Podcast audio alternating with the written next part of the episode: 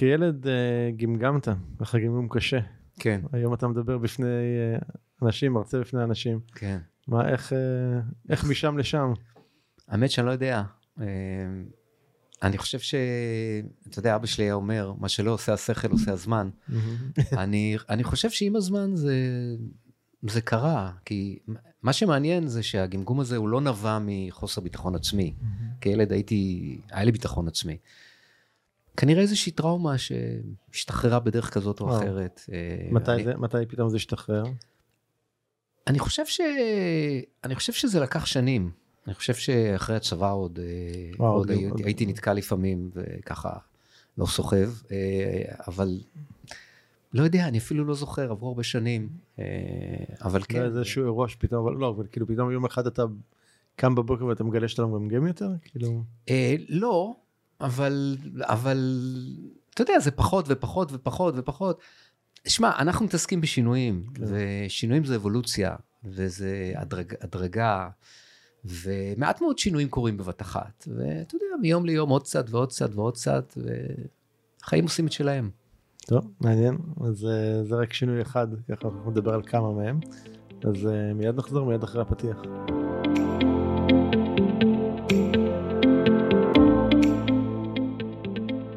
הדבר היחידי הקבוע הוא שינוי. ובכל זאת אנשים רבים חוששים ונמנעים מלעשות שינויים בחייהם. השינוי מוציא אותנו מחוץ לאזורי הנוחות ואל עבר חוסר הוודאות שלרוב מפחיד אותנו מאוד. ובכל זאת ישנם אנשים שמוכנים להתמסר לתהליכי השינוי, ולא רק לשנות, אלא בעיקר להשתנות, ולהמציא את עצמם שוב ושוב מחדש. בפודקאסט עושים שינוי, תוכלו לשמוע את האנשים שמשחקים all in ועושים את מה שצריך, במקום את מה שנוח, כדי לחיות חיים מלאים ובעלי משמעות. בכל שיחה אנו צוללים לעומק התהליכים הפנימיים שהם עוברים, הטריגרים שמפעילים אותם, הפחדים והחששות, ההצלחות, הכישלונות, הפעולות שהם עושים וההתפתחות שהם עוברים. בכל שבוע תוכלו לשמוע את ערן שטרן ברעיונות מרתקים ומעוררי השראה עם אנשים שהפכו את השינוי לדרך חיים. לפרקים נוספים בפודקאסט תיכנסו לאתר doingchange.co.il או חפשו עושים שינוי באפליקציות הפודקאסט המובילות אייטיונס, ספוטיפיי, גוגל פודקאסט ואחרות.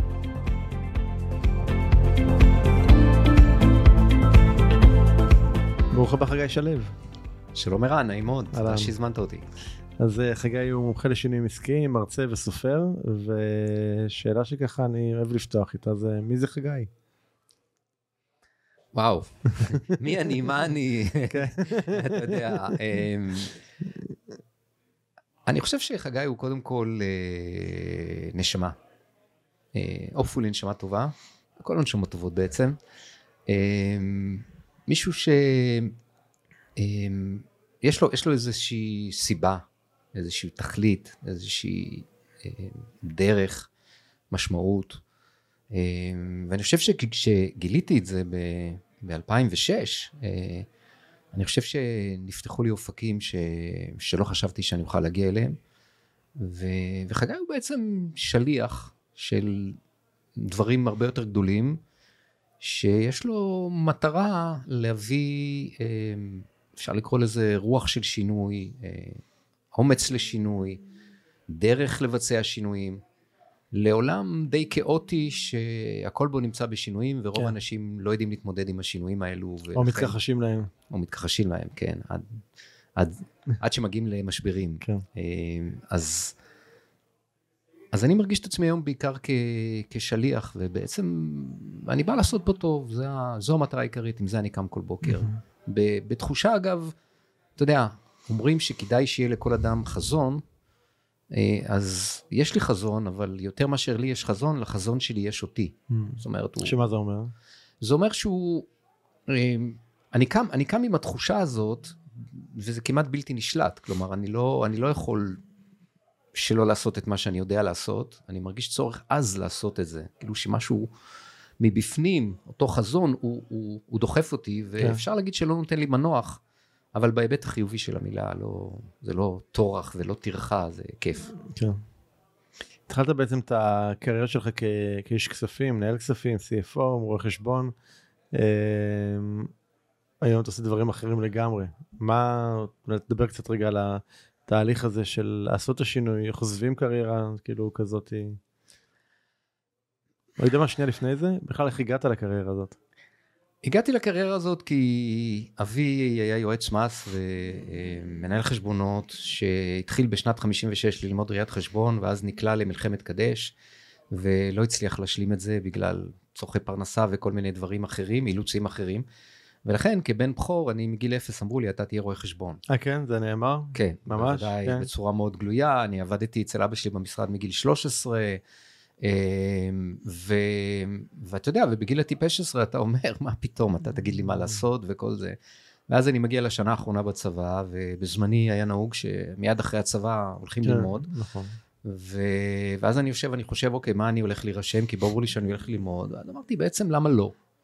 כי אני אדם ריאלי, והיה לי קצת ניסיון אצל אבא שלי, ואני אוהב כסף, ואוהב עסקים, ו... וזהו, ואז החלטתי ללכת וללמוד ראיית חשבון. אמ, עכשיו, היום בדיעבד סתם מעניין, ההחלטה הזאת, אתה רואה אותה כהחלטה שלך או החלטה שככה הותווית לתוכה? גם וגם. גם כן. וגם, אה, כאילו אין ספק שאילולי הבית והדחיפות מהבית והכיוון מהבית, ואולי אפילו הלחץ המסוים מהבית, אה, אין ספק שזה, זאת אומרת, לא אין ספק, אבל כנראה שזה לא היה קורה. אה, אבל בסופו של דבר זאת הייתה החלטה שלי, שהיא הייתה טובה, אני שלם איתה. אמנם זה לא הייעוד שלי ולא מה שנתן לי יותר מדי משמעות, אבל זה משהו ששירת אותי טוב בחלק הראשון של הקריירה שלי. אה, רוב הזמן היה לי טוב, אה, כל שלוש שנים עברתי מקום עבודה, אז תמיד זה היה ככה איזה אנרגיה חדשה ועניין חדש. אה, רוב הזמן הייתי בהייטק, אז אה, אנשים טובים, סביבה מאתגרת, כן. אה, ניהלתי 30 עובדים בשיא, חוץ לארץ, מיזוגים, הנפק... כאילו היה הרבה עניין. אגב, אף פעם לא עניין אותי יותר מדי המספרים, יותר עניינו אותי אנשים, עניין אותי הניהול. אמ, ולימים התחיל להיות לי רע. רע, שחוק, משועמם, או כמו שאתה קורא לזה קלאב, כן, כן. קשה לקום בבוקר. זה התחיל ככה ב-2002-2003, הייתי אז בן 42-43, ואז אתה מתחיל לחשוב על שינוי, אבל אז אה, צצות הרבה מאוד שאלות, רגע, חגי, זה מה שאתה עושה 20 שנה, מה עוד אתה יכול לעשות? מה, מה אתה בכלל רוצה? אה, איפה אתה יכול להרוויח את הסכומים האלו? אין לי משכורת של מעל לא, 30 אלף כי- שקל. זה- בדיוק, זה- זה כבר בגילאים האלה ובמיקום הזה אתה כבר מגיע עם חבילה נכון, מאוד מכובדת שזה כבר, נכון, יודע, נכון. למישהו צעיר עם הרבה יותר קל לעשות, ב... זה זה כן. גם חבילה וזה גם מחויבויות. נכון, ילדים, משפחה. אמ, הייתי אומר שבסופו של דבר מה שקבע את השינוי הזה זה ההבנה שאם אני מתעלם ממנו הוא קובר אותי, תרתי משמע. כלומר, היה לי ברור שאני אמ, אחלה, כי היה לי מאוד רע, וגם היה לי ברור שאני חי על זמן מושאל ובאיזשהו מקום אה, יפטרו אותי מהעבודה. כי, כי חוסר שביעות רצון שלי כבר התחיל מאוד מאוד לבלוט. אה, ואז אה, בהחלטה די של רגע, למרות שהיה לה איזשהו טריגר, אה, אני התפטרתי, ובלי לחשוב יותר מדי, ובלי לתכנן יותר מדי, מה שאגב, אני לא ממליץ היום לאף אחד לעשות את זה ככה, מה שאני עשיתי, כן, זה היה סוג של התאבדות. הת- התפטרתי מעבודה, אני קורא לזה להתנתק מחבל הטבור מזהב. וקמתי בבוקר והתחלתי לחשוב, אוקיי, מה אני עושה עם החיים שלי? ומה מה עלה, מה עלה באותו בוקר? קודם זאת כל אומרת ידעתי... שעזבת לא היה לך איזה לאן שאתה יודע שאתה לא. הולך אליו? לא היה לי לאן, אני ידעתי כמו רבים וטובים מה אני לא רוצה. מהמם, אני כן. לא רציתי יותר להיות שכיר, כן. אה, כי הספיקו לי 22 שנה והיה בי איזשהו צורך אה, להיות עצמאי, ולא רציתי אה, לעסוק בכספים בצורה ישירה, כלומר לעשות כעצמאי את מה שעשיתי כשכיר, זה לא בא בחשבון. מהמם. אבל מה כן, אה, לא ידעתי, ולכן חשבתי ביזנס. נפגשתי עם המון אנשים, בדקתי המון דברים, עסק פה, שותפות שם, אולי לייבא כל מיני דברים, אבל אה, לא התחברתי לכלום. ולכן מקץ כמה חודשים של חיפוש אינטנסיבי, אה, נכנסתי למשבר. משבר עמוק אפילו, כי לא רק שלא ידעתי מאיפה אני מביא 30 אלף שקל לפרנס את המשפחה שלי, בכלל לא ידעתי מה אני רוצה לעשות בחיים. והייתי אז כבר בן 46, עם אחריות, משפחה, ילדים. אמ, אז זה היה אה, המשבר שלימים אה, יצאתי ממנו, לשמחתי די מהר. אה, לא יודע אם היה לי מזל, או הייתה לי הערה, או... אה, שאני אספר על זה? אני, אני כמה שאלות שעלו לי בהקשר של זה, מהמם. אחת, אמ, זה הרבה פעמים שאנשים, אני שומע נגיד מהאנשים לפעמים על כל מיני שינויים שאני עשיתי בחיים, והמשפט שבדרך כלל הרבה פעמים אני שומע זה איזה אומץ היה לך.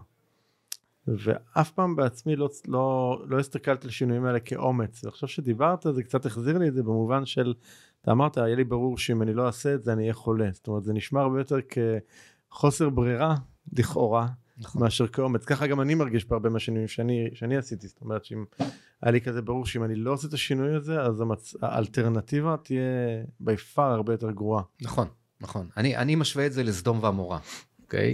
נניח שאתה נקלע לסדום ועמורה. הכל בוער, נופל, מה, מה אתה עושה? כן, אתה עושה שינוי. אתה בורח, כן. קודם כל, וכשאתה בורח אתה אפילו לא מסתכל לאחור פן תהפוך נכון. לנציב מלח. נכון. זו, זאת הייתה התחושה. כי, כן. כי באמת אומרים לי, בוא'נה, איזה אומץ. אני אומר, לא, לא אומץ, פחד. בדיוק. פחד מה, מה, מהמקום הזה של, של אה, שקיעה וקמילה ו, ומוות, ליטרלי מוות, כי... כי כשהנפש קמלה מבפנים, אחר כך גם, גם הגוף, הגוף הולך. הגוף, הגוף מדבר לגמרי. לגמרי, כן. כן. דבר נוסף, אה, שאני חושב שתיארת פה משהו, באמת מצב שהרבה מאוד אנשים נמצאים בו, זה מצב של הם יודעים מה הם לא רוצים, הם עוד לא יודעים אבל מה הם כן רוצים. נכון. אז מה, מה, מה עזר לך בתהליך הבירור הזה? אז דיברת על זה שהתחלת לפגוש הרבה אנשים. כן, כשנכנסתי למשבר הבנתי שאני לא מצליח לבד. Mm. ו... ואתה יודע, ואין הכנסה, אה, דמי אבטלה, אבל אה, מאוד חלקיים, אין הכנסה, ואז מתחילים לקחת הלוואות ו... וכל מיני אה, אילוצים, ו... וזה לחץ. אה, ו... והבנתי שאני צריך עזרה, כי לבד אני לא מצליח, כן? אז היה פה, אה, בשנת תחילת 2006 זה היה פחות פופולרי, אה, אבל כן, חיפשתי עזרה. אה, חברים טובים אמרו לי, יש בעיר דבר חדש, קוראים לזה קואוצ'ינג. כדאי לך. כן. עד אז לא שמעתי על 2006 זה. 2006 זה ממש שנים, כשאני יצאתי גם כן לעצמות. כן, תחילת 2006, ואז אה, אם אני מזכיר לך היה את אה, משפחה חורגת. כן, אלון גל התחיל בדיוק. אלון גל התחיל עם כן. זה, התחיל לעורר מודעות, אבל, נכון. אבל זה כבר קרה אני חושב בחצי השני של 2006. כן, זה היה כבר יותר, זה היה כבר 2007 כן. כזה, כן, תחילת 2007, נכון. כן. אז אני, לא פשוט, אני פשוט יודע כי גם עבורי זה היה, אני יצאתי וכמה אנחנו... חודשים ספורים אחרי זה. אני, אני זוכר, אני זוכר שאנחנו נפגשנו לראשונה באיזשהו כנס networking, אה, אפילו לא זוכר איפה זה היה, אבל, אה, אבל זה היה... מה, על הגג איפשהו? איזשהו גג? לא, לא זוכר לא בדיוק, זה היה, לא זוכר, אבל זה היה כאילו באזור 2006-2007. Okay. אוקיי. אה, כן, ואני יודע, כאילו היינו פחות או יותר באותו זמן. כן. באותו זה. אה, בקיצור, מה זה קואוצ'ינג? לא יודע, לא מבין מה זה בכלל, אמ, מאוד סקפטי, הייתי טיפוס מאוד רציונלי, make sense, doesn't make sense, זה היה הסוויץ' היחידי שעבד לי בראש. ו... אמ, ו... וזהו, ואומרים לי, תלך. אני אומר, טוב, אני צריך עזרה, לא מבין מה זה, אבל אין לי, אין לי הרבה מה להפסיד, בוא נלך. ו, ובאמת הלכתי, ו, וזה מאוד עזר לי, כאילו, זה עזר לי קודם כל להבין מה אני, מה אני לא, מה חסר לי. הבנתי שחסרה לי מודעות, הבנתי שחסרים לי הרגלים, הבנתי שחסר לי יותר שקט נפשי, הבנתי שאני יותר מדי לחוץ, הבנתי שאני לא מנהל את הרגשות שלי כמו שצריך, אמ, הבנתי שיש לי רובד מתחת לפני השטח שמחבל בי ואני חייב לטפל בו. ו... ומהמקום הזה של להתחיל לעשות קואוצ'ינג, אה, להתאמן בקואוצ'ינג, הבנתי שזה משהו שמאוד מאוד מתאים לי, ומאוד מאוד אה, אפיין אותי, בלי לקרוא לזה כך, לאורך כל שנותיי. למשל, אה, בשנות ה-10 וה-20 לחיי, אימנתי ילדים בשחייה mm-hmm. במשך הרבה שנים, מאוד אהבתי את זה. כשניהלתי עובדים, גייסתי עובדים מאוד טובים, ואהבתי לעזור להם, עזרתי, אהבתי לחנוך אותם, לעזור להם להצליח. וכנראה שגם עשיתי את זה לא רע, כי נשים שעבדו אצלי הגיעו לימים לעמדות בחירות במשק, ושנים אחרי זה עוד אמרו לי, אה, חגי, תודה רבה, אצלך זה היה בית ספר מצוין. Mm-hmm. גם כשהייתי בהרצאות, והתחלתי קצת בתחילת שנות 2000, טיפה התפתחות אישית, אה, רובין שרמה היה בארץ, נכון. הייתי באיזה סוף שבוע שלו, שמאוד פתח אותי ומאוד כאילו עזר לי להבין שיש פה דברים שאני לא יודע, ואני לא יודע שלא יודע. אז אני, אני ראיתי את האנשים מהצד השני שמלמדים אותי ואמרתי, וואלה, בא לי להיות כמוהם. זה היה יותר תחושה אינסטינקטיבית, זה היה פחות משהו מתוכנן, אבל כל הדברים האלו התחברו לי ביחד כשהתוודעתי לקואוצ'ינג, ואז מתישהו, די בתחילת 2006, החלטתי שאני הולך להפוך את זה למקצוע. כאשר המטרה העיקרית הייתה לעזור לאנשים להצליח. Mm. זה בעצם המוטו, ואז גם כתבתי את החזון הראשון שלי, וזה מה שמניע אותי עד היום. כן. Okay. איך, ה... איך הסביבה שלך קיבלה את השינוי הזה? אמ, האמת שדי טוב. כן. אם אני מסתכל על אה, אסנת זוגתי, אה, היא ראתה את המצוקה שלי והיא הבינה גם כמפרנס עיקרי במשפחה, הבינה שאנחנו ככה, איך, איך אומרים, אה, תלויים על, איך הביטוי הזה? על קרן הצבי, או, או, mm-hmm. או תלויים על חבל דק, ש... שהתעסוקה שלי ממש לא מובטחת במצב שנוצר, ולכן עדיף לעשות שינוי יזום מאשר לגרר. להיות בת יענה ו- ו- כן. ולהתעלם. והיא גם ראתה את המצוקה שלי, אז אה, היא תמכה בי. לא אומר שלא היו קשיים. לא אומר ש, שאתה יודע, כשלקחתי אותה לבנק אה, להגדיל את המשכנתה, אה, כשכל האנשים בגילנו כבר מחזירים את המשכנתה, כן. אז זה היה קטע לא קל. אה, אבל בגדול היא תמכה בי, אה, לימים אני תמכתי בה, אחרי כמה שנים שהיא עשתה את השינוי שלה. גם אז... עשתה שינוי דומה? כן. בקצת עצמאות? כן, כן. אה, וההורים שלי לא הבינו, אבל סמכו עליי, והאמינו בי. אז בוא... איך, איך אבא שלך קיבל שכבר לא תהיה יותר את הרואה חשבון? אז, אז תראה, אז עם אבא שלי, שאלה מאוד טובה, עם אבא שלי הייתי נקי עוד הרבה קודם. אה, כי קודם כל, במשך כעשר שנים, כמעט עשר שנים, הייתי כל יום שישי, הייתי שכיר, כן, במשרה מלאה, וכל יום שישי הייתי נוסע למשרד שלו ברחובות, והייתי עובד איתו חצי יום לפחות.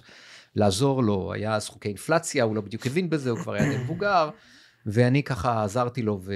ועבדתי, הוא שילם לי שכר, כן, אבל... ו, ואני כבר עוד הרבה קודם לכן אה, הבנתי שלמרות הפוטנציאל הגדול ביכולת להמשיך את העסק של אבא, כן. זה לא מה שאני רוצה. זה היה כאילו לא מתבקש, לכאורה. כן, זה היה מתבקש והרבה קולגות שלי שלמדו איתי אז mm-hmm. היו קופצים על זה בשתי ידיים, כן. אבל אני הבנתי שאם אני נכנס למקום כזה, למשרד קטן עצמאי, אז, אז אני נשאר כזה כל החיים, ולהתעסק עם הדברים הקטנים ב... בחלקו התחתון, לא ברומו של המקצוע, נהפוך הוא, כן. אמ, זה לא מעניין אותי. זה לא מעניין אותי, ולכן עוד בשלב הרבה יותר מוקדם, השינוי עשיתי, זה היה בשנת, אה, בתחילת שנות, באמצע שנות 2000. אני מדבר איתך על שינוי שהתחלתי אה, עוד בסוף שנות ה-80 ובתחילת שנות ה-90, אה, שהלכתי למשרדים גדולים, משרדי רואי חשבון גדולים, ומשם הלכתי בעצם לעבוד בתעשייה, במקום... במקום ללכת ולפתוח משרד. אז כבר אז אנחנו השארנו את ההדורים, ואני אמרתי לו, אבא, מצטער, זה לא מתאים לך. Mm. אני אלווה אותך, אני אעזור לך, אני אתמוך בך, לימים עזרתי לו גם למכור את המשרד. Mm. אה, אז הקטע הזה היה, אה, היה. פטור, היה נקי, כן. טוב, וסביב חברים וכאלה, לא... אמ, כן, אנשים התפלאו. אנשים התפלאו, אה, אני זוכר גם היה לי חבר אחד שאמר לי במילים האלו, תגיד, מה קרה לך? השתגעת? יש לך מקצוע טוב, אתה מרוויח טוב, יש לך מעמד, אתה בנית את זה במו, במו ידיך, ועכשיו אתה זורק את הכל בשביל איזה חלום, חלום דמיוני. אה, כן, הוא היה יותר מבוגר ממני, היה לו, היה לו עוד קשה יותר להבין, אה, אבל בסדר, אני, אני הלכתי בדרכי, שזה מה שבסופו של דבר אה, גם השתלם. אינטואיציה פנימית מאוד חזקה, ש... שיש משהו ב, בעולמות החדשים האלו שנפתחו בפניי, כן. שלא רק מעניינים ומרתקים אותי, אלא גם אני יכול, אני יכול להצליח בהם, mm. אה, עם כל הקשיים. איזה עוד ככה תחנות שינוי משמעותיות אתה רואה ככה בחיים שלך? אמ, שלוש השנים הראשונות שלי אה, היו סוג של אה, ניסיון שלא להמציא את הגלגל מחדש. כלומר, במקום ללכת, אה, כמו שאתה עשית, עופר מלמד עשה, ודי מיד אה, אה, החלטתם שאתם עצמאים, פותחים עסק שלכם ו- ומתחילים, mm-hmm. אני, אני חיפשתי שותפויות. Mm-hmm. אני חיפשתי אה, עסקים קיימים בתחום, שאני יכול לחבור אליהם ולתת להם בוסט רציני וליצור פה סינרגיה. תמיד ניהלתי, אהבתי לנהל, הייתי, הייתי של אנשים, ו, והחשיבה הייתה שאני לא חייב להמציא את הגלגל ולהתחיל מאפס. אז היו שלושה, שלוש כאלו, שלוש שותפויות כאלו. אמ, שתיים לא צלחו, אחת דווקא כן צלחה, זה היה עם אה, רכי ורטהיימר, אה, שנת 2008-2009, ועד היום אנחנו חברים טובים ואוהבים. אם- לא טועה עם הכבשים משהו? נכון, נכון, לראות את הכבשים, לראות כן. כן. אה, ואז בעצם התחלנו, להקים שם עסק יותר גדול, לעשות קורס הכשרה, להביא מאמנים, לשווק בצורה יותר אגרסיבית. אסר, לא אגרסיבית, אבל יותר רחבה. אה, ו- והיה טוב, אבל אני, אני הייתי בצל שלה, כי לקוחות רצו אותה, מהמם. ועניין אותי לא רק כי להיות... בעצם הביא את השיטה בעצם. נכון, כתבת כן. הספר הביא את השיטה. כן, כן, ואותי עניין לא רק אה, לנהל ו, אה, וליצור אה, אה, סינרגיה, אות- אות- אותי עניין מאוד להתפתח מקצועית, ולא כל כך הצלחתי להתפתח מקצועית. אה, אז הייתי, הייתה לי החלטה קשה, בסוף 2009 אה, החלטתי שאני מוותר על זה, ואני קורא לזה לוותר על דבר טוב בשביל דבר יותר טוב. אה, אבל לא- אבל- זה אבל- אבל לא מובטח. לא מובטח, לא מובטח, אבל היה בי, הייתה בי כי- איזושהי... כי- לוותר על משהו טוב תמורת משהו יותר טוב, כולם כולם מחר איפה חותמים. נכון. אבל זה לא היה כזה, מובטח, זה לא- לא כזה בדיוק. שוב, הייתה אינטואיציה ותחושה שמשהו בי מחכה להתעורר. ואתה יודע שבטבע אין ואקום, וברגע ששחררתי את זה, אז uh, בתחילת 2010 בעצם התחלתי בפריצת דרך, והשפע התחיל להיכנס, ו, ואז גם uh, פיתחתי את השיטה שאני עובד בה, שלימים הפכה לספר הראשון, uh, להתרגל להצליח. והקמתי את האתר הראשון שלי, והתחלתי לשווק, ו- ובעצם אפשר להגיד שלמרות שלמדתי כבר ב-2006, אה, בעצם לא הפסקתי ללמוד עד היום, כן? כל הזמן כן. אני לומד, אבל התחלתי ב-2006 ויצאתי לדרך בחצי השני של 2006, אז רק בתחילת 2010 אה, ממש הייתה בעצמאות. ממש, כאילו הייתי, עכשיו אני וזהו זה, וזה מה שאני עושה, ו, ו, ואני לא נשען על אף אחד ולא מחפש שום מישהו שיעזור לי. אה, במה במה אתה חושב שהשינוי הזה שינה אותך? באיזה דברים? באיזה היבטים? אז עוד פעם, אה, לוותר על דבר טוב בשביל דבר יותר טוב, להעז לצאת מפרדיגמות של ארגון, של ניהול, אה, לממש אני בחזית, אני בפרונט, אה, אני עם עצמי, אין לי שום דבר להישען עליו, אין לי אף אחד אה, ש, שככה איתי כתף אל כתף, אה, למרות שהיו לי הרבה מאמנים, כן, כמובן לאורך הדרך, אבל זה, זה, זה אני בפרונט, ו, וזהו, זה לצאת מהביצה, הגיע הזמן, לצאת לאור. מהמם. אה, אז זה היה, אה, זה היה שינוי אה, אחד משמעותי. עוד שינוי משמעותי, אה, ש... עוד שינוי משמעותי היה כשהוצאתי את הספר הראשון ב-2015, שזה היה באמת כאילו לקפוץ כיתה, לקפוץ מדרגה, וגם להראות שאני יכול לקחת ידע שכבר צברתי וניסיון, ולהפוך אותו ל- למשהו שהוא מאוד מסודר, מובנה, מאורגן. בתור רואה חשבון, ה- הייחודיות שלי בעולם הזה של, ה, של הקואוצ'ינג, זה לקחת דברים מופשטים ותיאורטיים, שהרבה מאוד מהחומרים שאנחנו עוסקים בהם הם כאלו, כן. ולהבנות אותם בצורה מתודית, מסודרת, ישימה, פשטנית, הרבה פעמים אני גם לוקח דברים מורכבים ומפשט אותם, על מנת, כשיהיו, ש- על מנת שיהיו אפליקטיביים, שיהיו יישומיים.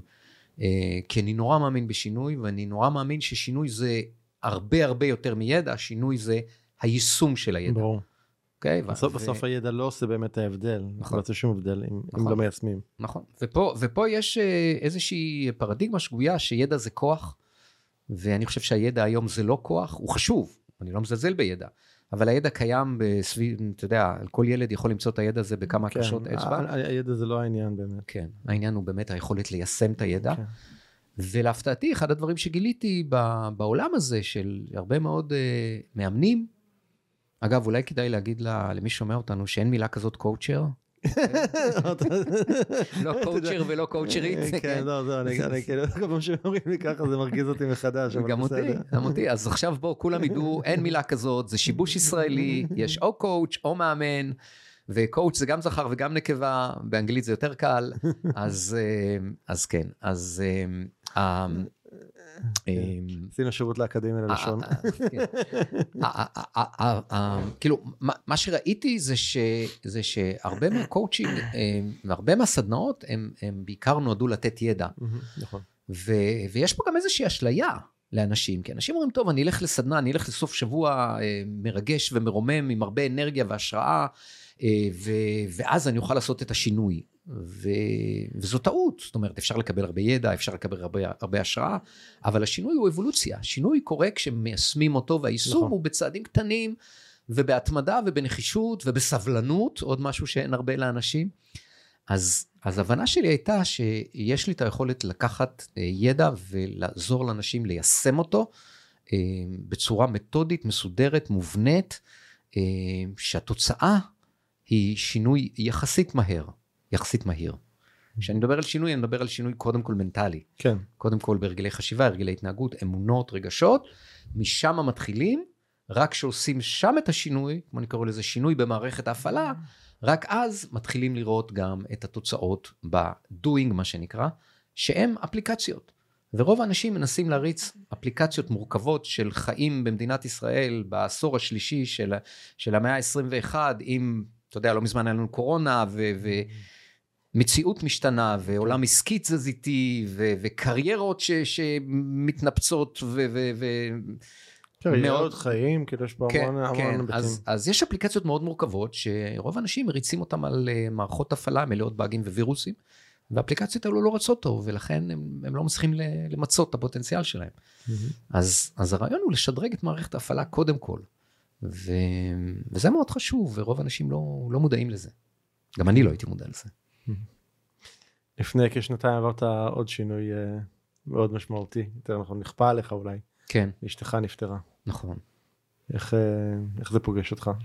באיזה, באיזה, איפה אתה בחיים לפני זה ואיך זה משפיע? כן. אמ, שאלה.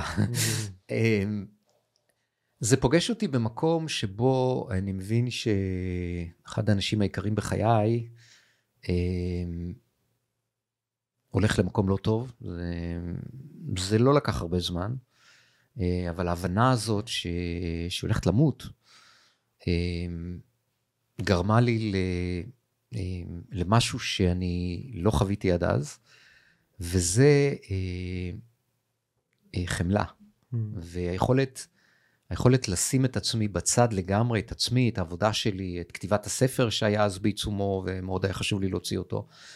ו, ובעצם אה, לשרת אותה, לשרת אותה בחוליה, כי זו הייתה מאוד מוגבלת, הייתה צריכה ליווי, הייתה צריכה עידוד, תמיכה.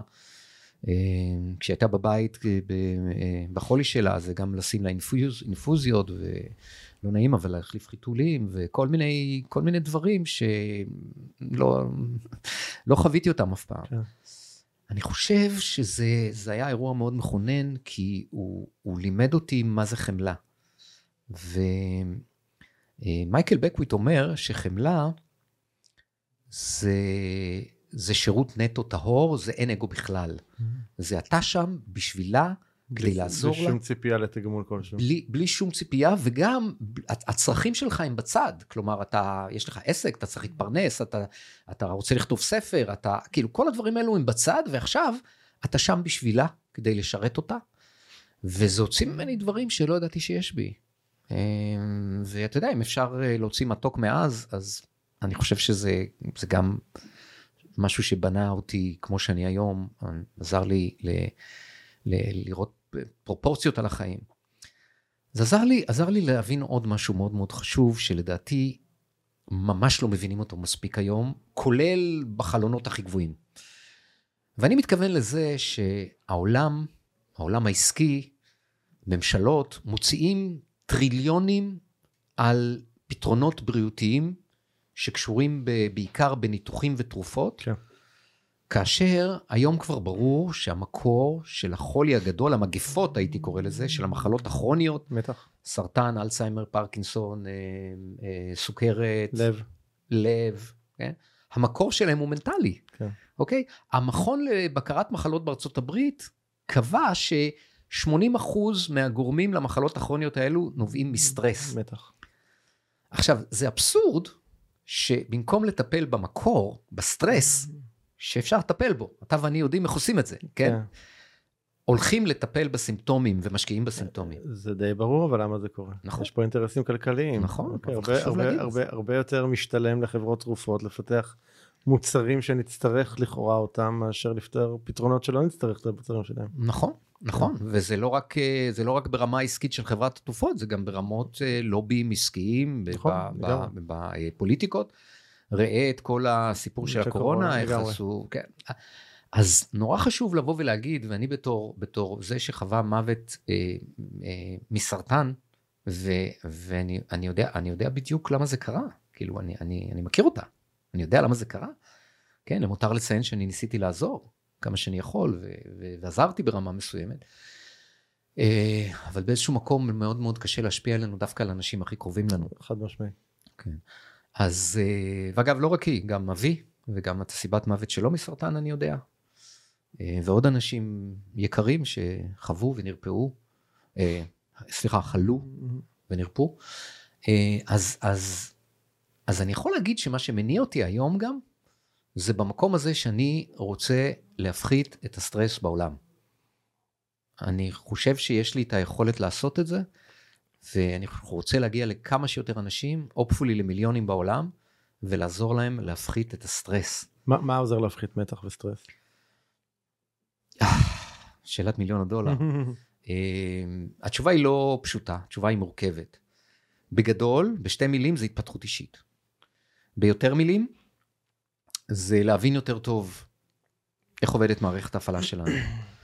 זה להבין שהרגשות האוטומטיים שלנו הם אה, ניתנים לשליטה, שהמחשבות שלנו אה, בורות מציאות ולכן אנחנו צריכים גם ללמוד לנהל את המחשבות שלנו.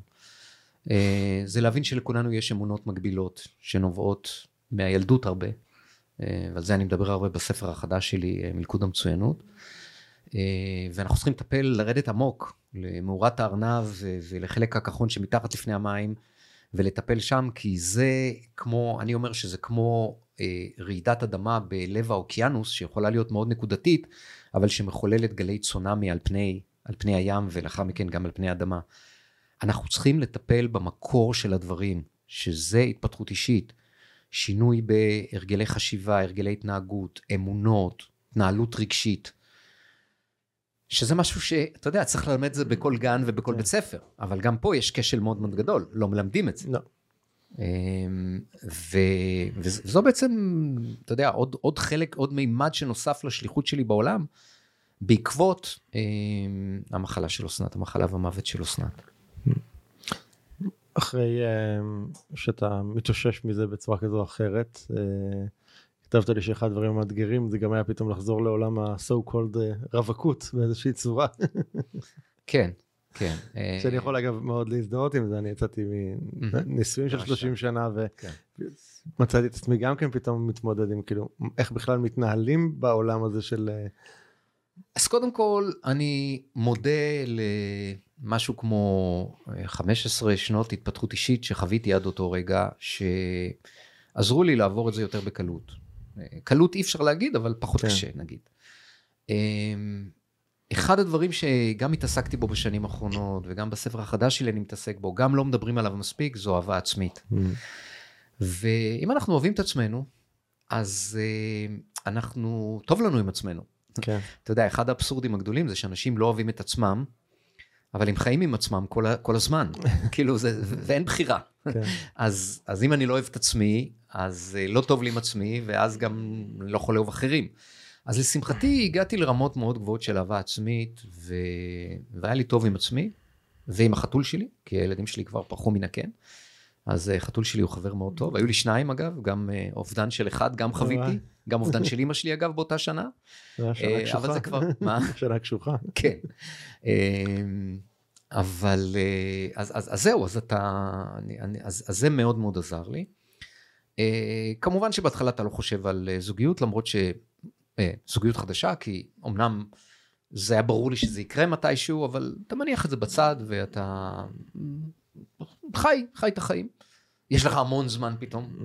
כן, נכון. המון זמן גם להשלים את הספר השני וגם אה, אה, וגם לבלות ואתה יודע יש לי שני ילדים אחד, בהרצליה אני פוגש אותו כל שבוע, כמה פעמים בשבוע, אנחנו חברים טובים, עובדים ביחד, אה, הולכים לספורט ביחד, אה, נוסעים לתח... למשחקי כדורגל. אה, ובת בניו יורק, שאנחנו בקשר מאוד טוב, היא לומדת שם, אנחנו בקשר די טוב, וגם נוסעים, והיא באה. אה, אז זה גם להיות אימא, אימא לילדים, ולעזור להם לעבור את הקטעים הקשים שקשורים בזה. לשמחתי, הצלחנו כולנו.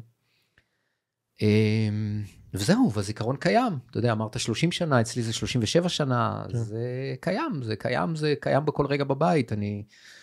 יש הרבה תמונות שלה, ואני מדבר איתה, וזה זה, זה, כאילו זה לא משהו שנעלם החיים, אבל זה משהו ש... עוד משהו מאוד מאוד חשוב, זה משהו שקשה מאוד לעשות אותו, ו-this is, this, this was the story of my life, זה הנושא של לקבל, לשחרר, להרפות, לאפשר, להבין שאין לי שליטה וודאות, כן. להבין שאני לא יכול להחזיר את הגלגל. אמרת פה, אמרת פה רגע שתי מילים אה, מאוד מאוד חשובות, להבין שאין שליטה ואין ודאות. אה, אתה יודע, חלק גדול מהאנשים מסתובבים בעולם עם איזשהו פייק תחושה אה, שיש להם שליטה או ודאות על משהו. נכון. ואין על כלום. נכון. כאילו, ו, ו, ובשם אגב התחושת שליטה וודאות המזויפת הזאת, הם בעצם כופים על עצמם הרבה פעמים חיים של סבל בצורה כזו או אחרת. נכון. כי אתה יודע, אם בן אדם לא טוב לו בעבודה שלו, או לא טוב לו במערכת נישואים, מערכת נישואים או קשר שהוא נמצא בו, והוא, אבל הוא חושב שזה מה שנותן לו שליטה או ודאות, אז, אז, אה, או ביטחון, אז, אז, אז הוא נשאר שם וסובל, למרות שזה נכון. אין שום ודאות על כלום. נכון, הביטוי הכי בולט של זה, זה הניסיון שלנו לשנות אנשים אחרים. נכון. אנחנו צריכים שליטה וודאות על אנשים אחרים, אנחנו מנסים לשנות את בני בנות הזוג שלנו, אנחנו מנסים לשנות את הילדים שלנו, כן. אנחנו מנסים לשנות את ההורים שלנו, אה, אנחנו מנסים לשנות, לשנות את הפוליטיקה, אה, אני לא מדבר בדרכים הלגיטימיות, אני כן. מדבר בדרכים פחות לגיטימיות, או כאלו שבסופו של דבר לא יודע כמה הן עוזרות. ו, וזה מכניס אותנו לכאוס, זה מכניס אותנו ללחץ, זה מכניס אותנו ל... חוסר, חוסר שליטה, שרוב האנשים מפרשים את זה כאסון, כדבר לא טוב. כן.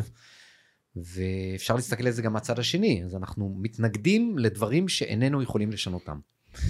ו- וזה אבסורד, כי אתה יודע, למה לי לנסות לשנות אנשים אחרים כש- כשזה נדון מראש לכישלון? כן. למה לי לא לנסות לשנות את עצמי? כי הרבה יותר קל לנסות לשכנע מישהו, לכאורה, לנסות לשכנע מישהו אחר, כן. לקחת אחריות ולעשות את השינוי בעצמנו. כן. זה גם הרבה יותר קל להאשים מישהו אחר במצבנו, זאת אומרת, כן. יש פה... אתה יודע, אני נורא מאמין שרוב, אפילו 70-80 אחוז ממקרי הגירושים אפשר למנוע, אם אנחנו מבינים שאנחנו לא נשנה את בני בנות הזוג השני, ואנחנו פתוחים קודם כל לשנות את עצמנו. Mm-hmm. אה, חוויה שלי הייתה, זה שלפני שעשיתי את השינוי שלי ב-2005, אז uh, כמו הרבה, uh, כמו רבים וטובים, הנישואים שלי היו על, על סרטון, נקרא לזה ככה, והמילה גירושין נאמרה. Mm. אבל אז קרה דבר מעניין, uh, אני שיניתי את עצמי, אני פתאום לקחתי את אסנת בצורה אחרת, כאילו התחלתי ל, uh, לקבל אותה יותר, לאפשר לה יותר, uh, פחות לראות את מה שלא עובד, uh, יותר לפרגן, יותר... ו... והיא לא עברה תהליך התפתחות אישית כמו שאני עברתי. אבל בכל זאת, במקרה הזה, המסקנה האישית שלי לפחות היא שלא צריך שניים לטנגו, שמספיק אחד פה. אני, אני חושב שזה נכון עד רמה מסוימת כן, או עד שלב מסכים. מסוים. כן. כאילו, אני חושב ש...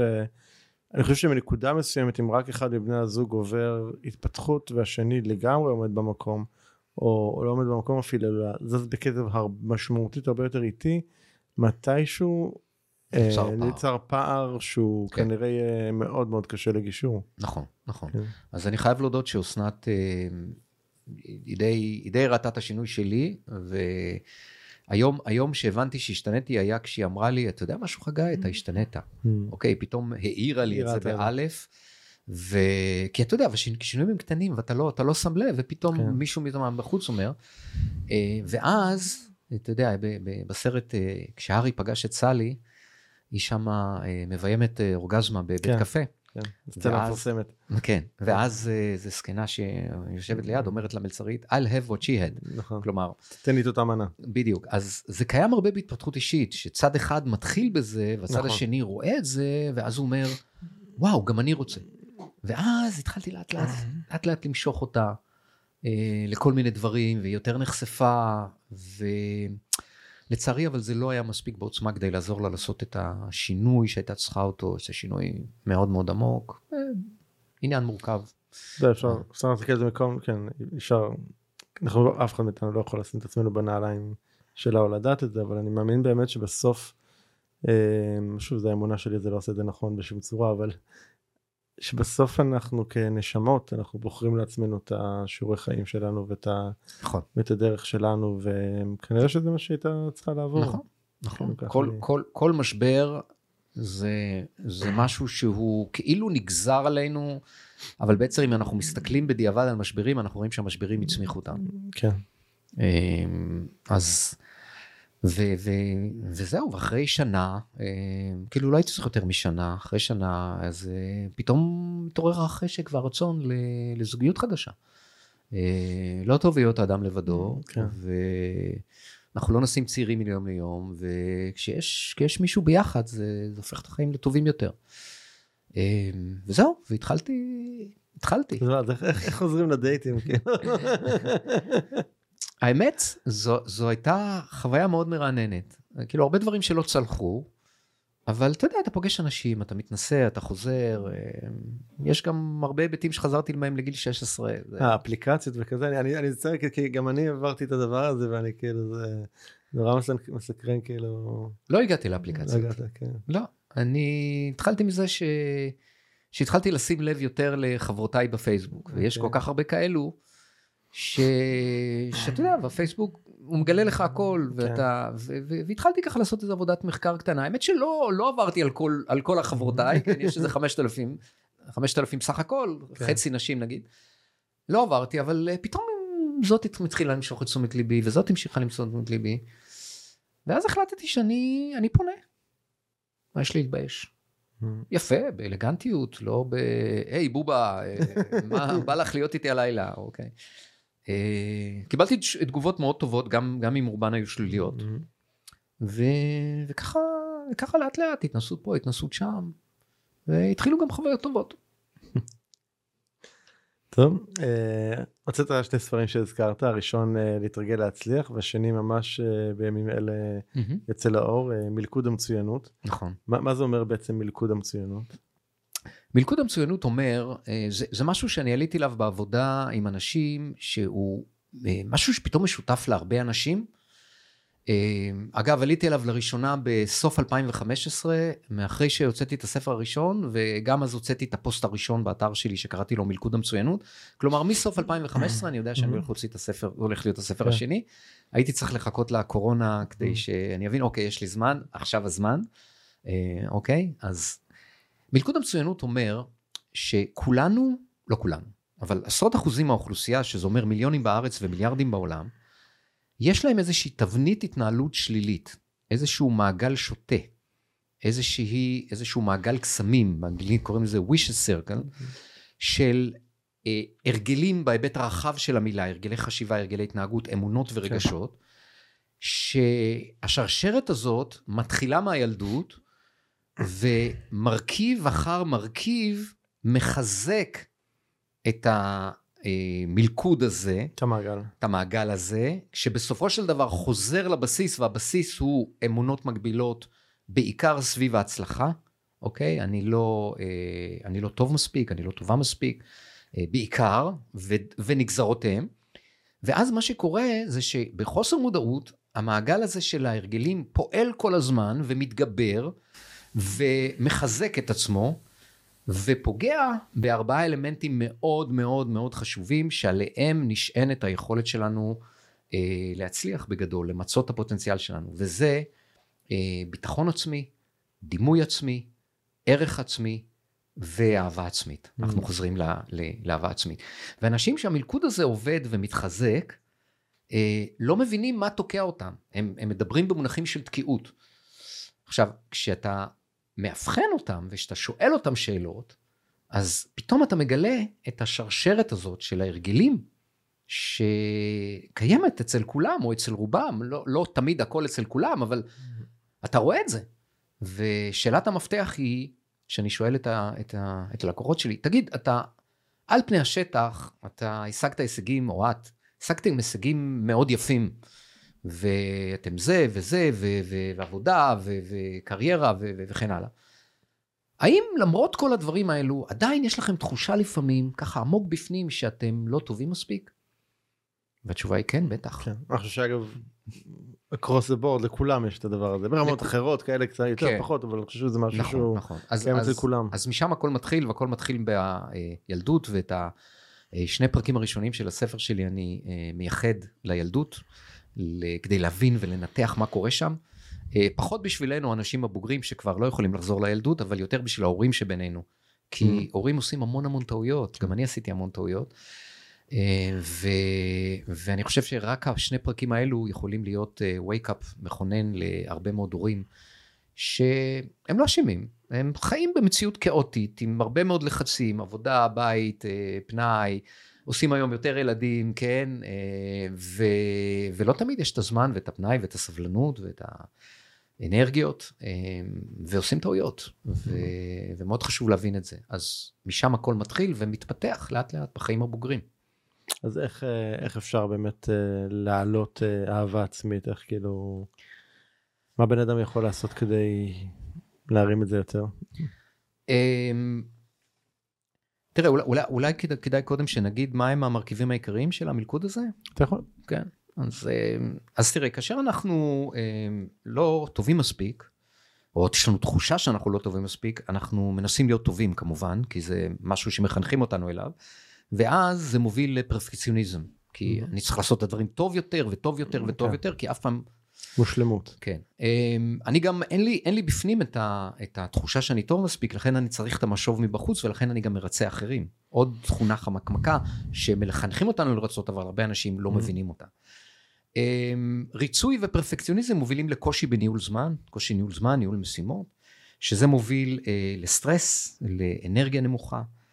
אמ, זה מוביל לדחיינות והימנעות, אה, שגורמים לי הוכחות, זה מוכיח לי שאני לא כן, טוב מספיק. מזין את המעגל. כן, עוד לא, עוד לא לגמרי, אבל זה, זה, זה פוגע לי ב... ב אה, זה פוגע בי רגשית, דכדוך, תסכול, לפעמים גם דיכאון, שזה גם סוג ממחלות המודרניות.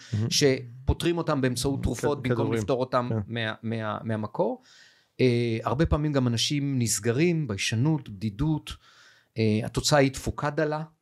ואז כשהמניע הוא אני לא טוב, אני לא מספיק טוב, אני רוצה להיות טוב יותר, המניע הוא אני, כאילו מחנכים אותנו להצטיינות, אה, אז גם יש שיפוטיות עצמית, שזה עוד משהו שמחנכים אותנו לשפוט את עצמנו, משהו לא בסדר, אז, כן. אז אתה לא בסדר ואתה אשם, וזה גם טעות קריטית, כי, כי זה בדיוק, אנחנו אז אומרים לעצמנו, אני לא טוב מספיק. ואז אנחנו חוזרים למקור, וככה כשהמעגל הזה חוזר ונשנה, הוא בעצם מתחזק. אה, עכשיו לשאלה שלך. אז קודם כל אני חושב שזה לא רק אהבה עצמית, זה גם הביטחון עצמי, הדימוי עצמי, הערך עצמי. בספר אני גם מסביר ומנתח מה זה כל אחד מהם, ו, וגם נותן כלים לטפל ספציפית בהם. אה, יחד עם זאת, אני חושב שהתשובה לשאלה היא אה, ה- לפוגג את כל המלכוד. אוקיי. אוקיי? אני חושב שהאתגר הגדול שלנו, ופה, אתה יודע, זה לא רק אהבה עצמית, זה, זה הכל. ואני אני אוהב ללכת על כל הקופה, לא רק נקודות מסוימות, כי בנקודות מסוימות גם יכול לקרות מצב שהנקודות שלא טיפלת בהן, בסופו של דבר, הם אלו ש... אמ, אמ, מתגברות ואז הן מבטלות את מה שכן השגת ולכן כן. אני בא טיפול שורש וטיפול שורש זה לפוגג אני לא אני לא אומר לה, להעלים, כי לא בטוח שאפשר להעלים את הדברים. אה, רכי ורטהיים אומרת שאמונות מגבילות אתה לא יכול, או היא קוראת לזה שריטות, אתה לא יכול לבטל לגמרי. אה, הם תמיד יהיו שם, זה תמיד ברגע הראשון אין בחירה כשהן עולות, אבל יש כמובן המון בחירה ברגע שהן עולות ואתה מכיר אותן, מודע אליהן, כן. ואתה יודע איך לנהל אותן. אז, אז אני חושב שהתשובה היא לעבור על כל המרכיבים של המלכוד, ולהחליש אותם, להחליש אותם ולהחליש אותם, זה כמו עמעם של אור. אה, שאתה סובב. כן, אולי, אולי נתייחס לזה הפוך, זאת אומרת, יש חושך, ו-. ואתה לאט לאט מדליק את האור ומדליק יותר, ויש לך יותר ויותר אור. Hmm, אה, שאור זה גם אנרגיה. כן. אה, ו- ו- וזה מה שעוזר לך גם בסופו של דבר אה, אהבה עצמית. אני אתן, אני אתן בכל זאת כלי לאהבה עצמית, מהמם. שלמדתי אותו מלואיס היי, שנחשבת לכהנת אהבה עצמית.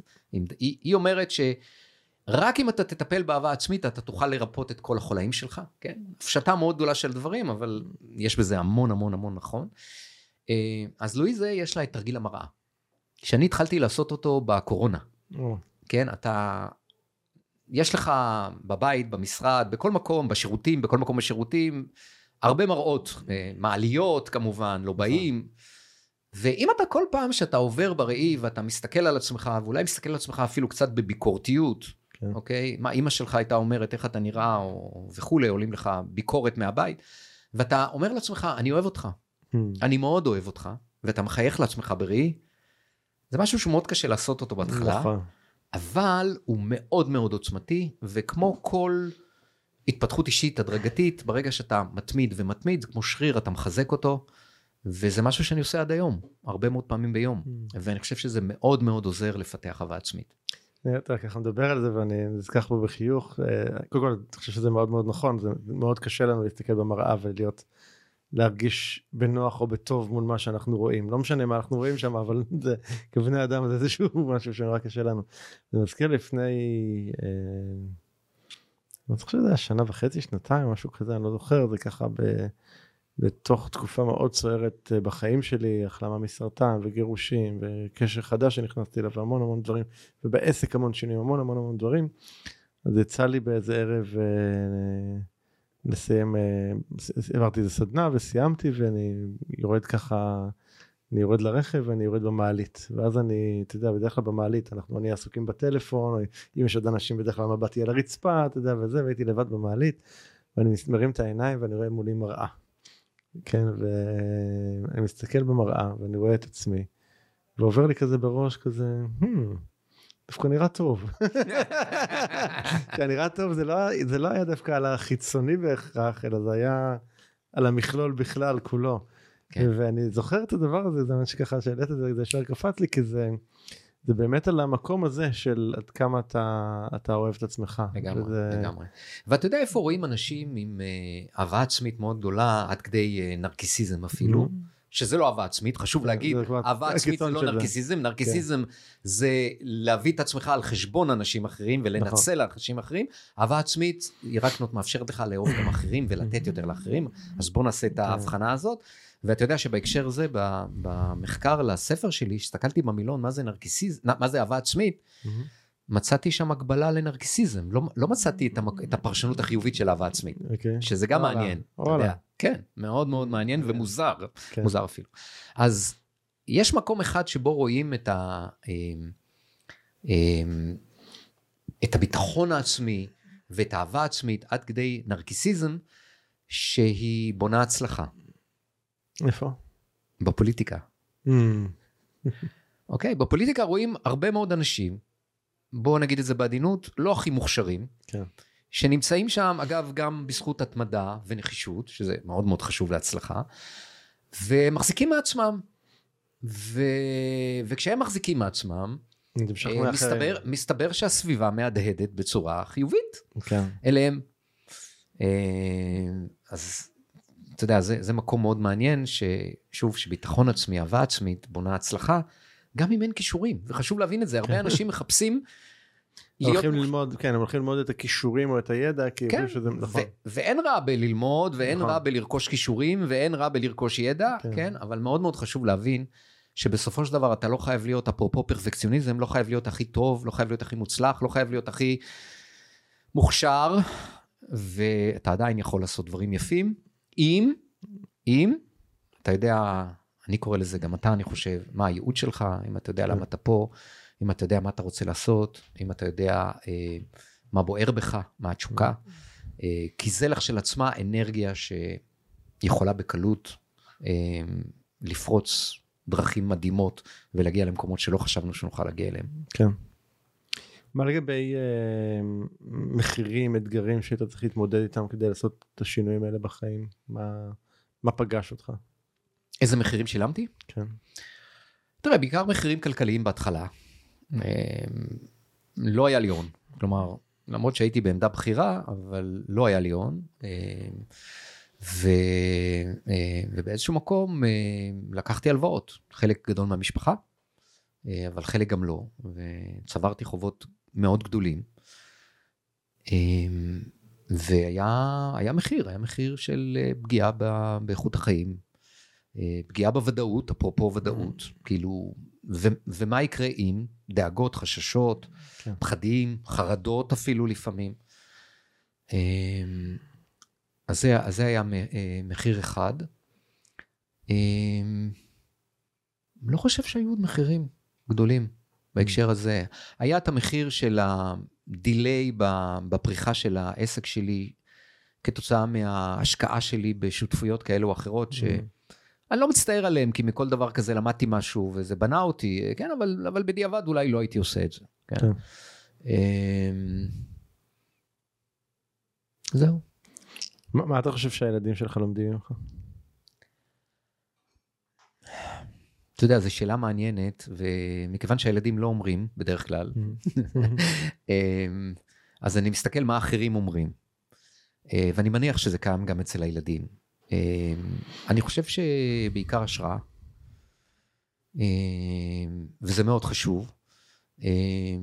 הבן שלי למשל מתייעץ איתי המון, כלומר, יש פה איזשהו איזשהו אה, הכרה והוקרה ב, בידע ובניסיון חיים שלי, שהוא לא מתבייש, והוא, והוא שואל אותי, שואל את דעתי. למרות שיש לו את המנטור שלו ש, שעוזר לו, אה, וזה בסדר, כי אבא זה לא... זה בצורה מסוימת, אבל לא, ב, לא, לא בצורה קבועה ו, ומקצועית, נקרא לזה.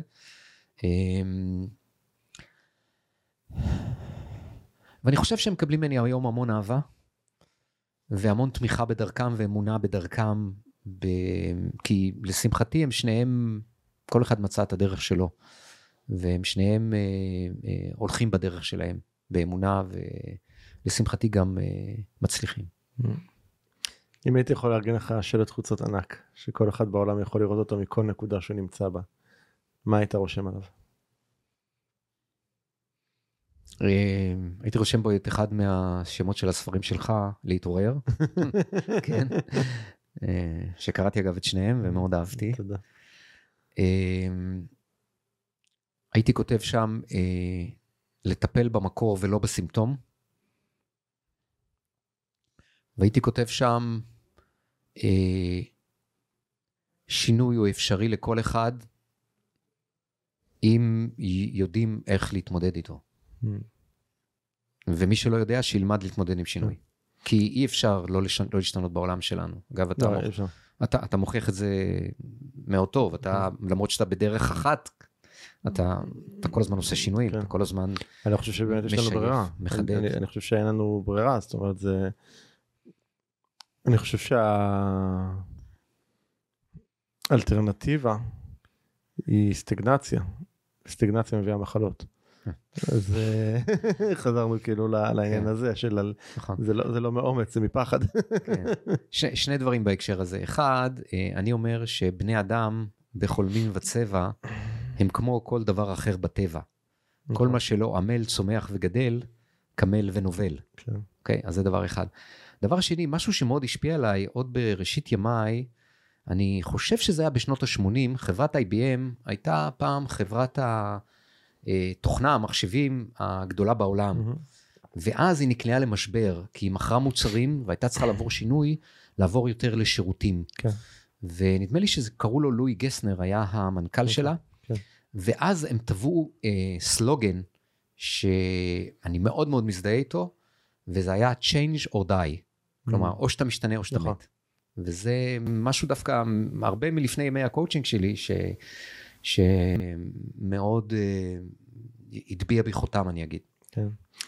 זה מעלה לי גם אה, מי שאחד המייסדים של אינטל אנדי גרוב היה לו משפט של רק הפרנואידים שורדים. נכון, כן, יש לו ספר. יש לו ספר, יש לו ספר בשם הזה בדיוק, כן. ובספר הזה, זאת קראתי עוד שהייתי מנהל צעיר באינטל אז ככה נינה אותי המורשת. ספר חובה. ספר באמת באמת חובה. לא, הוא חובה גם לעובדי אינטל. אה, לא, לא, לא, דווקא לא, הוא לא היה ספר חובה, אוקיי. ממש לא, לא, לא, ההפך, הזמנתי אותו באמזון, זה היה ממש יוזמה פרטית שלי, זה לא היה חובה.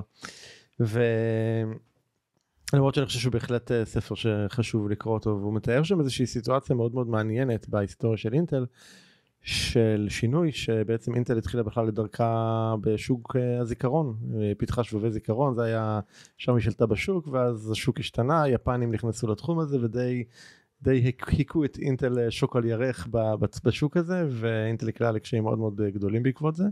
ואז הוא מתאר שם איזה סצנה של אה, פגישה שהייתה לו עם אחד המייסדים האחרים, עם קרייג בארט. והם לא יודעים מה לעשות. ואז גרוב אה, שואל אותו שם, הם היו רק שניהם בחדר, אומר לו, תגיד, אם היו מפטרים את שנינו, ומביאים עכשיו מנכ"ל חיצוני לחברה, מה אתה חושב שהוא היה עושה? וגרוב אמר לו, הוא כנראה היה יוצא מהממורי ביזנס, היה יוצא מעסקי הזיכרון. אז גרוב אמר לו, אז מה דעתך שנצא מהדלת הזאת וניכנס חזרה ונעשה בדיוק את זה. וזה מה שהם עשו, וזה היה ספינה מאוד גדולה כבר אז להזיז אותה, ומאבדים... זה היה איזושהי מחלקה קטנה ששיחקה עם הקונספט הזה של מעבד למחשב, זה בכלל לא היה, זה, לא היה, זה בכלל לא היה בזה, ובאמת אני חושב שהדבר הזה הוא, הוא מאוד מאוד uh, משמעותי, באמת היכולת כן. של להשתנות. נכון, אתה יודע שבהייטק הגמישות והיכולת להשתנות היא מאוד מאוד מאוד חשובה, שרוב הסטארט-אפים מתחילים עם איזושהי... רעיון אחד. רעיון אחד. מסיימים במקום אחר. אבל מסיימים במקום נכון. אחר. והגמישות, הגמישות המחשבתית, הגמישות לעשות שינויים, היא קריטית ביכולת כן. ההישרדות שלהם, וזה אחד הדברים שמשקיעים, קרנות הון סיכון, מחפשים ב, ביזמים, את היכולת, נכון, את להשתנות. היכולת להשתנות. נכון. להשתנות ולשנות, כי, כי העולם מאוד דינמי, ונעשה יותר ויותר ויותר דינמי. כן, לגמרי. Mm. טוב, הגענו לפינתנו אה, שאלה בהפתעה, okay. אוקיי. ואיך שזה הולך, יש כאן ארבע חבילות קלפים, אז אתה תתחיל בלבחור אחת מהן. אוקיי, זאתי. יש משהו מעניין עם החבילה הזאתי. כן, היא יותר אה, צבעונית. יותר צבעונית, כן, כן אבל היא טריקית, כי זה השאלות הכי... אה, קשות? לא קשות, זו חבילה שנקראת what the fuck, שאלות הכי נועזות. אוקיי, יופי, I like it, אפרופו. בוא נראה מה יצא לנו. אם אני לא אהיה פתוח לשינוי, אז מה לנועזות, להתמודדות, כן. לאתגרים, אז מה? כן. אז אוקיי, אז בוא תבחר איזה קלף. נראה. אה, טוב, זה דווקא שאלה כזאת, זה, אני לא יודע אם זה, נשאל אותה. אפשר להחליף. אפשר, נחליף אותה נראה לי. אפשר להחליף, בוא נחליף. אה, לא, לא, נחליף. לא נחליף, אני אעשה להתאמה. אוקיי. אז השאלה המקורית זה האם היה לך איזושהי אה, אה, התנסות מוזרה באובר, אז אני, במונית. אוקיי. אוקיי, לא יודע מה... התנסות מוזרה במונית. כן.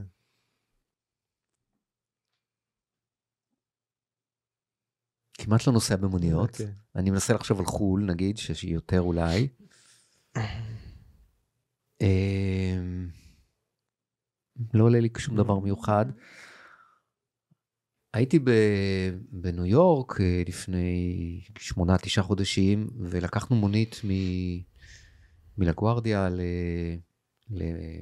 לברוקלין, וזה לעבור את כל מנהטן וכל זה. והיה שם נהג מאוד מוזר, ש... הוא כל הזמן, אה, הוא כל הזמן דיבר בטלפון עם מישהו על משהו, ו, ואתה יודע, אתה, אתה לא מצליח להבין על מה הוא מדבר.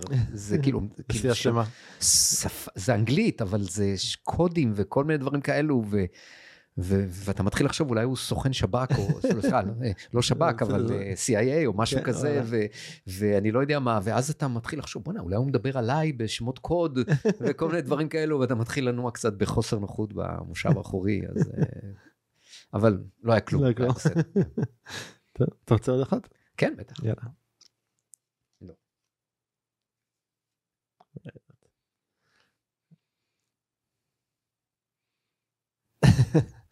זה כבר היה לנו פה לדעתי באחת השיחות. מה הדבר אה, הכי הכי אה, דבר או דברים שאתה יכול לקנות בחנות שיגרמו לקופאי להרגיש הכי ב, לא בנוח. אה, קונדומים ל... ל... לגברים, עם גברים אולי, אוקיי. אה, אולי, אולי, אולי לקנות לו, לקנות נגיד, אה, איפור ולתת לו את זה עולה ולהגיד לה, כן, כדאי שתתאפרי לפעמים. זה קשוח. טוב, אה, יש איזושהי שאלה שהייתי צריך לשאול אותך שלא שאלתי עדיין? אמ, אולי, אמ, לא, אני חושב שלא, זה דיברנו. אמ, אולי איך אפשר להשיג אותי? כן, זו שאלה- זו שאלה הבאה זו. שאלה הבאה, אוקיי, אז כן. אני אחשוב על משהו אחר. שאלה לשאול אותי שלא, שלא שאלת. אמ, כן, אה, לגבי הסטארט-אפ שלי. אה, אוקיי. אז יש לך גם סטארט-אפ. יש לי סטארט-אפ עם הבן שלי, הבן שלי הוא מעצב UI UX, הוא עצמאי, בסטרפה של אבא שלו, הוא כבר 4-5 שנים, אה, ועובד בהייטק, עובד אה, בשביל חברות סטארט-אפ, ואני רתמתי אותו לשיטה שלי של השינויים שמופיעה בספר הראשון להתרגל להצליח, שלא המצאתי כלום, אבל לקחתי דברים קיימים והבניתי אותם בצורה כזאת שהופכת שינוי להרבה יותר אפשרי ואפקטיבי. ו... ואנחנו עובדים עכשיו על פיתוח אפליקציה ל business coaching אה, בינלאומית. ופה בעצם החזון הגדול, שגם של הספרים שלי, שאחד מהם בינתיים תורגם לאנגלית כבר ונמכר באמזון, אה, וזה אה, לא להסתפק בכמה אלפים בארץ, אלא לצאת לעולם ולעזור למיליונים, hopefully. אה, מה שאני קורא לו להתרגל להצליח ו- וגם להרוויח. אז, אה, אז, אז זה הרעיון, ו- ואנחנו לא פונים לארגונים כמו הרבה מהמתחרים שלנו, אלא אנחנו רוצים לעזור לבעלי עסקים קטנים, בני דור המילניום, בני דור ה-Z ודור ה-Y, שהם פותחים עסקים והם אה, עדיין אה, לא, אין להם מספיק התפתחות אישית, כן. ויש להם את הקשיים, ולעזור להם גם בהיבט של השינויים בצד המנטלי, וגם בהיבטים הפרקטיים של אה, עסק, ניהול עסק, אה, כל מה שקשור בזה, עובדים, כסף, אה, זמן אה, וכולי. מגניב. מי שרוצה ליצור איתך קשר, איך הכי נוח ליצור איתך קשר? אה, פשוט להקיש חגי שלו בגוגל, אה, יש לי אתר מאוד מאוד גדול, אה, אני מדורג אחד בגוג, ראשון בגוגל, שני מקומות ראשונים בעצם, באימון עסקי ובמאמן עסקי, אז גם אימון עסקי או גם אימון שינוי קריירה די, די גבוה. יש באתר בלוג עם, נכון להבוקר, אני חושב 421 פוסטים, אני מאוד אוהב לכתוב, משהו כמו 300 סרטונים ביוטיוב, אה, יש גם פודקאסט משלי, אה, ברשתות החברתיות, אה, פשוט להקיש, ושם חגי אפשר שלו להגיע. תמצאו. אנחנו גם כן. נשים, אה, כן, לא חגי. שלו העורך דין, יש חגי שלו עורך דין גם. בגלל שיש ערן אה, שטרן שהוא אה, מלמד אה, עריכת וידאו. קבל לפעמים פנ- פניות עבורו. אה, יש איזושהי שאלה שהיית רוצה לשאול אותי?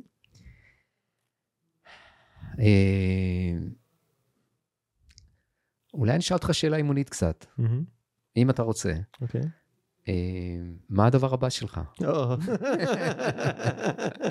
יש לך, יש לך, יש לך איזה, איזה סדנה שנקראת הדבר הגדול הבא, נכון? כן, או שזה איזשהו, וובינר או איזשהו, או אז עכשיו. אני עושה את התהליך הזה על עצמי. אה, כן, אני כבר תקופה ככה במקום הזה של להגיד, אוקיי, אני... בוא נצא לחיפוש הזה של מה הדבר הבא עבורי.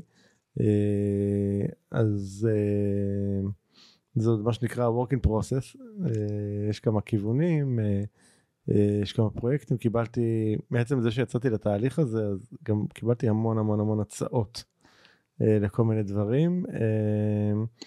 ואני במין מקום כזה שאמרתי אני עוד לא רוצה לבחור או להחליט כרגע אני עוד רוצה רגע לאפשר לעצמי את השהייה הזאת במקום הזה של האי ודאות אז כרגע הדבר הבא שלי הוא לא הנוכחי הוא האי ודאות שלפני הדבר הבא.